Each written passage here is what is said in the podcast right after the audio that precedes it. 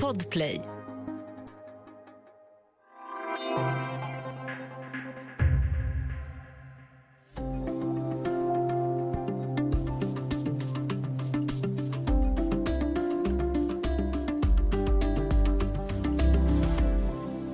Vilka frågor får en journalist ställa till en president? Mexikos president Andrés Manuel López Obrador brukar hålla presskonferens varje dag. Oftast mest inför mexikanska journalister. Men det går att komma dit som utländsk reporter. När DNs korrespondent Henrik Brandao Jönsson kom dit uppfattade många att han gick över gränsen. Kanske också presidenten själv, när han ställde sina obekväma frågor. Välkommen till Studio DN. Jag heter Sanna Thorén Björling.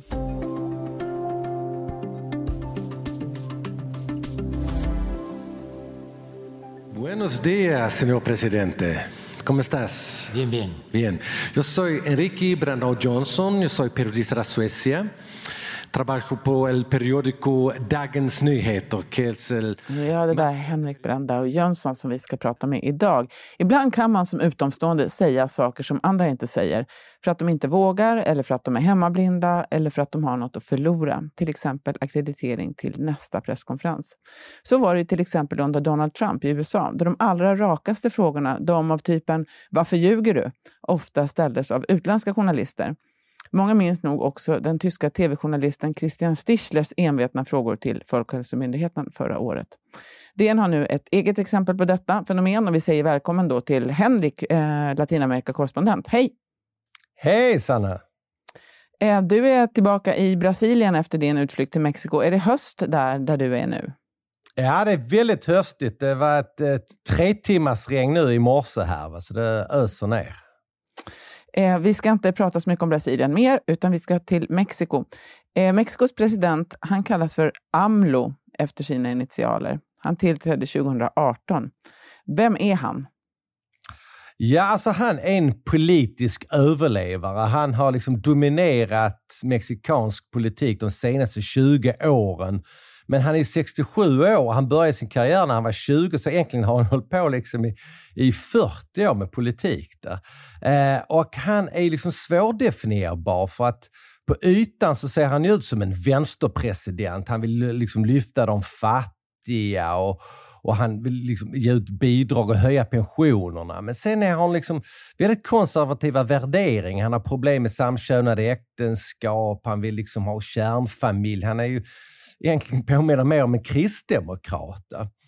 Eh, och sen det mest, liksom, så är han väldigt nationalistisk och populistisk. Va? Och det är liksom därför tror jag som att han liksom blev ganska bra kompis med Trump. Va? Det var därför jag ville prata med honom om Trump. Alltså hur kan en vänsternationalist bli, bli kompis med en högernationalist? Ja, det var ganska enkelt. Mm.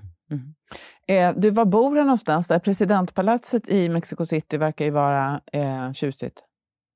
Ja, alltså när han blev eh, president så ville han ju alltså, för in en åtstramningspolitik och då flyttar han inte in i det här residenset som man bor i Los Pinos i Chapultepec-parken utan han flyttar till eh, Nacional istället som är liksom Palacio Nacional som ligger precis vid Sockerlotorget. Och det är väldigt ståtligt och väldigt häftigt. Det är liksom byggt av spanska kolonisatörer på 1500-talet och har överlevt alla de här jordbävningar. Och så är det liksom täckt med sån här röd, rödskinande eh, vulkansten som är ganska lätt för att Sockerlotorget där det ligger, det är, ju, det är ju byggt på en sjö så att man kan liksom inte hälla på för mycket betong där för då sjunker presidentpalatset. Så man, man byggde det liksom i, i den här rödaktiga vulkanstenen. Så att, eh, väldigt fint. Och där bor han då inne i en lä liten lägenhet. Mm. Och sen håller han de här så kallade gryningspresskonferenserna eh, som sker på morgnarna. Eh, när du var där, hur många var det där då? Alltså det var, vi var 15 stycken. Eh, det brukar, alltså innan pandemin så var det 100 personer som, som brukade samlas. Och han håller de, de kallas för mañaneras, alltså gryningskonferenser. Och det tror jag är den enda politiker i världen som klockan sju sätter sig eh, eller ställer sig bakom podiet och håller en presskonferens i två till tre timmar. Han sitter aldrig ner, han står hela tiden upp och svarar på alla frågor.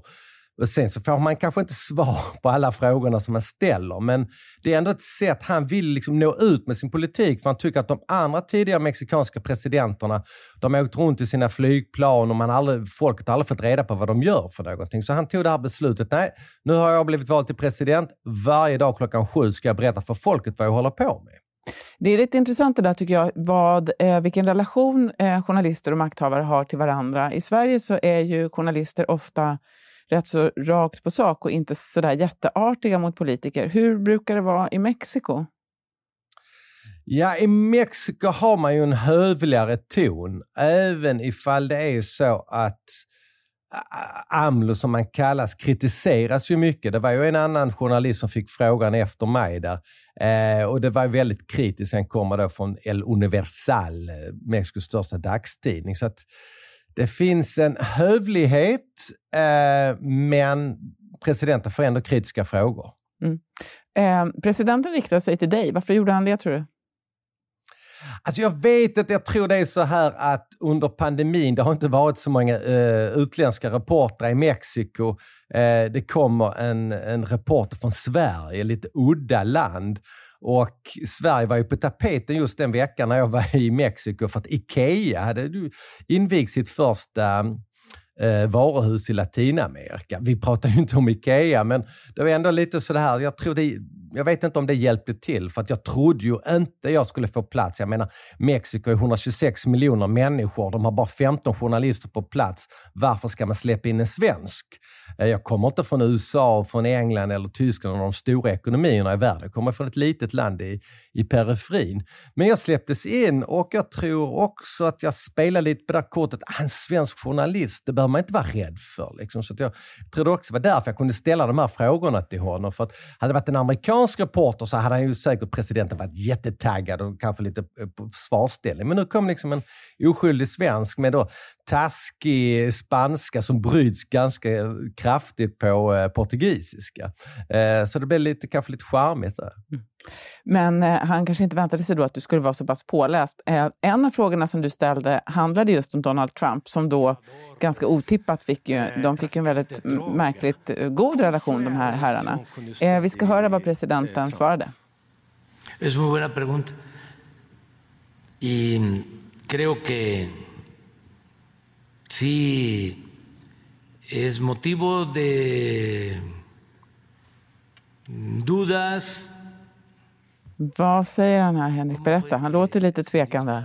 Ja, så jag tror jag blev lite tagen då i början. Det är därför han liksom svamlar lite i början. Han säger att ah, det var en bra fråga, säger han. försöker liksom vinna tid. Men sen erkänner han, ja visst, det är ju klart att det finns ju tvivel. Alltså, hur kan liksom en en, en, eh, två så olika presidenter blir kompisar. För det är det du frågar om här. hur kommer det sig att ni blev kompisar? Mm. Ja, det är precis. Mm. Hur kommer det sig alltså att ni blev kompisar, att ni kunde kommunicera? För att vi får ju tänka på att Trump hade ju liksom innan kallat mexikaner för bad hombres, dåliga män. Han hade kallat mexare för våldtäktsmän, knarksmugglare, eh, bygga en mur mot Mexiko och låta Mexiko betala för den. Så det var liksom rätt upptrissat. Så jag menar, varför ska man bli kompis med en sån kille? Eh, men då sa ju här AMLO till mig att ja, visst, det var många som trodde på att vi skulle liksom konfronteras. Men så blev det inte. Vi förstod varandra väl eh, och det blev bra för våra länder. Den här relationen blev väldigt bra för våra länder. Mm. Han berättade också lite grann för dig om sin förhandlingstaktik, att man kan ju få igenom andra grejer om man bara struntar i att prata om de, de jobbigaste sakerna. Som muren till exempel. Ja men precis, alltså han åkte ju, AMLO reser ju inte på statsbesök utan han reser bara runt i Mexiko. Liksom en av de presidenter få i världen som inte åker utomlands. Han har bara gjort en utlandsresa på två och ett halvt år som president och det är till Washington. Och då sa han, jag kommer bara om vi inte pratar om muren. För att om det blir prat om muren, sa han, då kommer det bli bråk. För det är klart, det är dålig stämning. Mm. Ja, då blir det dålig stämning. Man vill inte ha en mur. Liksom. Eh, och det Vita huset gav med sig. Och istället kunde de då prata om eh, frihandelsavtalet. Just det. Vi ska alldeles strax prata lite mer om vad Mexikos president sa till dig.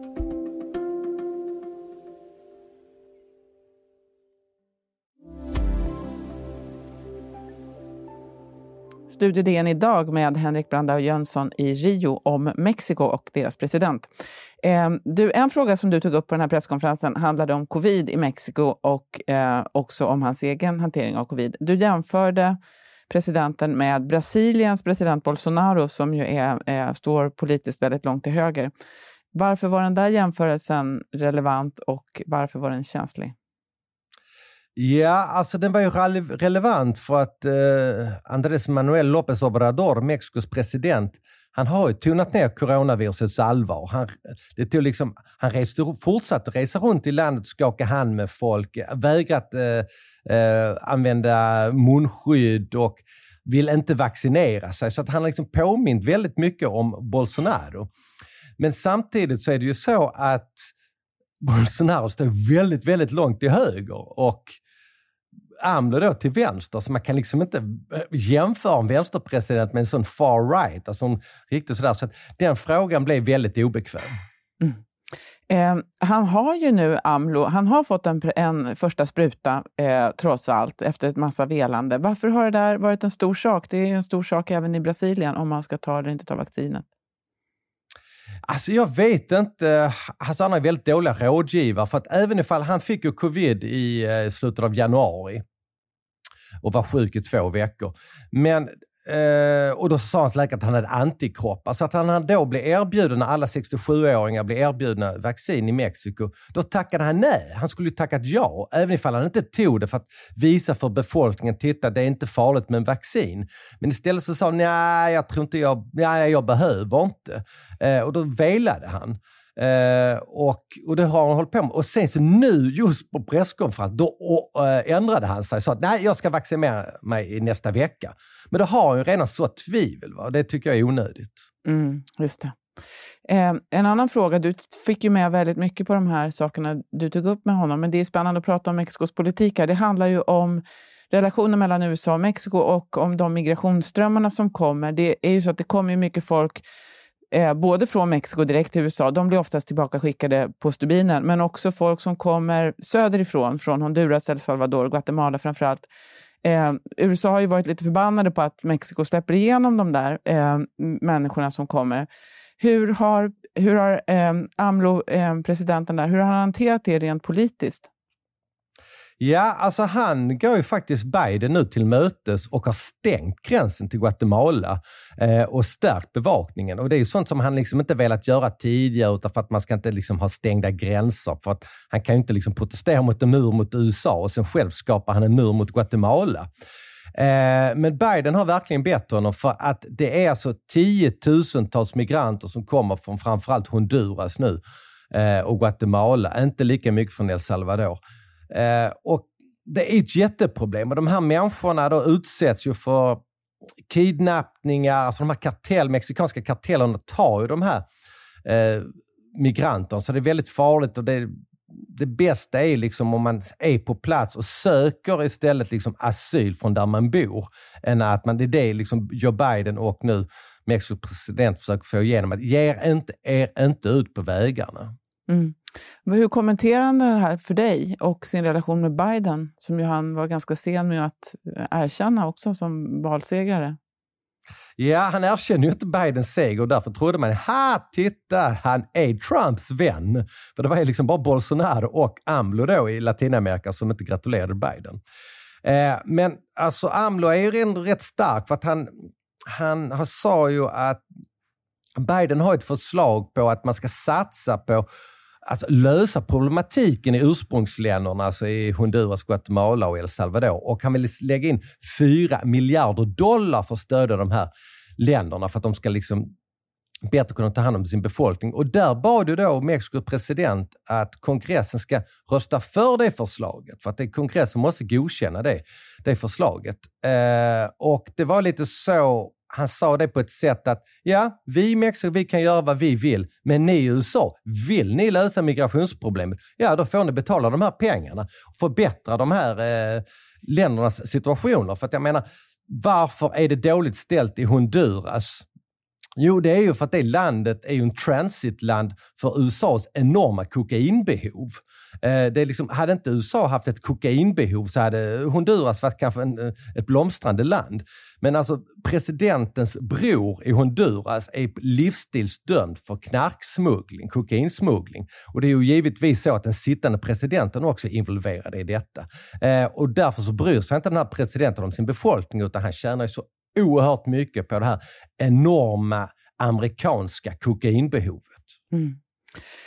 Du, eh, de, va, den, den, här presskonferensen som du var på, vilka, vilka andra frågor ställde de andra, andra journalisterna där den där dagen? Vilka typer av frågor kom det upp?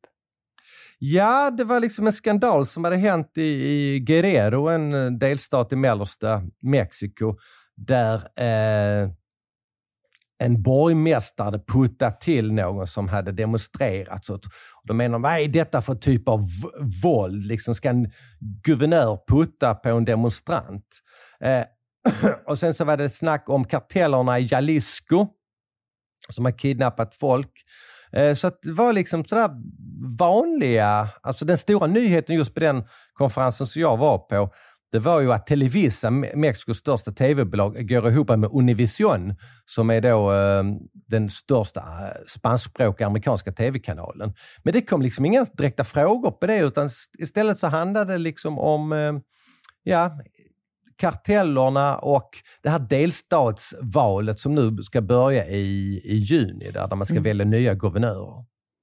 Du, vad tänkte du, tyckte du själv att du lärde någonting? Jag tänker både som handlar om mediedynamik men också om, om eh, AMLO eller om de reaktionerna som du fick på, den här, på det här tillfället.